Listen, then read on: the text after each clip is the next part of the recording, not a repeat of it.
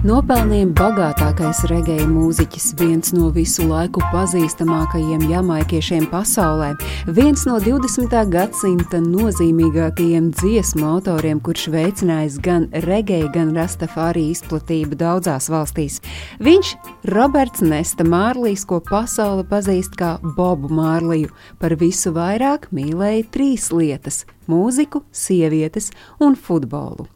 Dziedātājas sākotnējais nāves cēlonis šokēja daudzus. Viena no versijām, ko tagad gan dēvē par pilsētas leģendu, vēsta, ka savulaik spēlējot futbolu, dziedātājs savainojas kājas īkšķi. Tā bijusi neliela trauma, kam sākumā uzmanību nepievērsa pats regēja karalis, kur nu vēl apkārtējie. Bet kājas pirkstam turpinot sāpēt, ārsti atklāja ļaundabīgu audzēju. Par audzēju tā ir taisnība. 1977. gadā atklātais ļaundabīgais melanomas veids zem kājas naga gan nebūtu nav saistāms ar futbola spēles traumu. Tas ir vēzis, kas bija iemitinājies mūziķī. Bobs Mārlīs apmeklēja mediķus, veica biopsiju un tika atklāts melanomas paveids, ko nevar viegli pamanīt, un visbiežāk tas veidojas uz pēdām vai zem nagiem. Mediķi ieteikuši pirksta amputāciju. No tās mūziķis kategoriski atteicies, sakot, ka neļaus sevi izjaukt pa daļām. Atteikšanās bija balstīta reliģiskos uzskatos, un arī viņa prāt tas būtu traucējis Boba Mārlija mūzikas karjerai. Tāpēc tā vietā noņēma nagu un naga pamatni, bet no augšas stilba ādu transplantēja, lai nosaktu šo vietu. Neraugoties uz slimību, Bobs Mārlīs turpināja koncertēt un plānoja 1980. gadā pasaules koncertu turneju. Pabeidzis Eiropas turneju ar koncertu Milānā simt tūkstošiem skatītāju, Mārlīs devās uz Ameriku, kur notika divi koncerti Ņujorkā. Madison Square Gardenā. Bobs Mārlijs sabruka skrienot centrālajā parkā, un, kad viņš nokļuva slimnīcā, nācās konstatēt, ka vēzis izplatījies smadzenēs, plaušās arī aknās.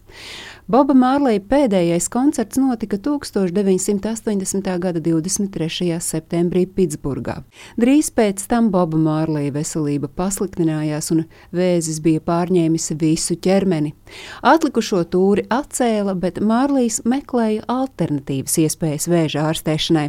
Viņš tādu atrada Bavārijā, Vācijā. Ārstēšana daļēji balstījās uz izvairīšanos no noteiktiem ēdieniem un dzērieniem, bet pēc astoņu mēnešu ilgas netradicionālās ārstēšanas vēzis diezgan saprotami joprojām strauji progresēja.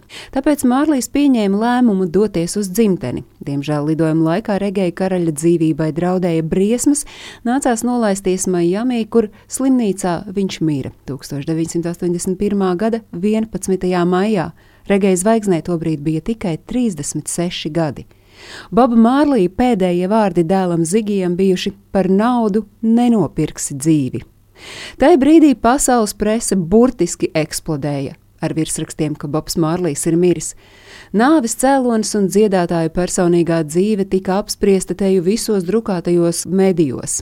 Tikmēr Jamaikā Elka nāve bija sajaukusi visus valsts plānus, uz nedēļu tika atlikta valsts budžeta izskatīšana. Tādas bēres Jamaika nebija pieredzējusi. Cilvēki bija sastājušies garā platā rindā, lai pavadītu savu elku līdz kapsētai, kas atradās simt km uz ziemeļiem no Kingstonas.